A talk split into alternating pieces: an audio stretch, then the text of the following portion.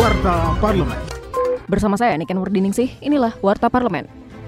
Komisi 6 DPR RI meminta Kementerian Investasi dan BP Batam membuat skema penyelesaian masalah lahan di Pulau Rempang secara menyeluruh dan bisa diterima semua pihak. Komisi 6 juga meminta BP Batam menerapkan asas equal treatment kepada semua investor asing yang masuk ke Indonesia. Wakil Ketua Komisi 6 DPR RI, Sarmuji, menekankan sosialisasi, pendataan, dan pendaftaran masyarakat terdampak harus dilakukan secara humanis dengan melibatkan tokoh masyarakat dan aparat pemerintah daerah. Warta Parlemen. Dalam rapat kerja dengan Menteri Ketenagakerjaan baru-baru ini, anggota Komisi 9 DPR RI, Ratu Ngadu Bonuwula, mendorong kerjasama antara Kementerian Ketenagakerjaan dan Kementerian Desa untuk mengembangkan balai latihan kerja komunitas di tingkat desa kan di desa itu kan ada anggaran pemberdayaan ya. Bagaimana itu bisa dimanfaatkan untuk memberikan kesempatan kepada warga masyarakat untuk berlatih ya. Tapi berlatihnya itu di BLK yang ada di desa-desa contohnya BLK komunitas. Nah yang menjadi persoalan setiap kepala desa belum berani mengambil sebuah langkah karena takut mungkin salah mengambil kebijakan dan lain sebagainya. Apalagi ini kan mungkin hal baru ya. Bagaimana desa bisa daripada mereka harus mengirim keluar kenapa tidak dimanfaatkan BLKK yang ada?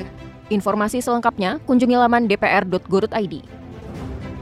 Anggota Komisi 9 DPR RI, Neti Prasetyani, menilai pemerintah belum menangani stunting dengan komprehensif. Menurutnya, metodologi yang digunakan pemerintah tidak tepat karena angka stunting diperoleh melalui data sampling, bukan pengukuran secara langsung kepada bayi dan balita. Neti menegaskan, pengukuran secara langsung penting untuk mengetahui perkembangan anak stunting yang sudah dilakukan intervensi. Ia menambahkan, penanganan stunting membutuhkan tim ahli dengan menggunakan alat ukur dimensi tubuh anak untuk mengetahui status gizinya televisi radio parlemen.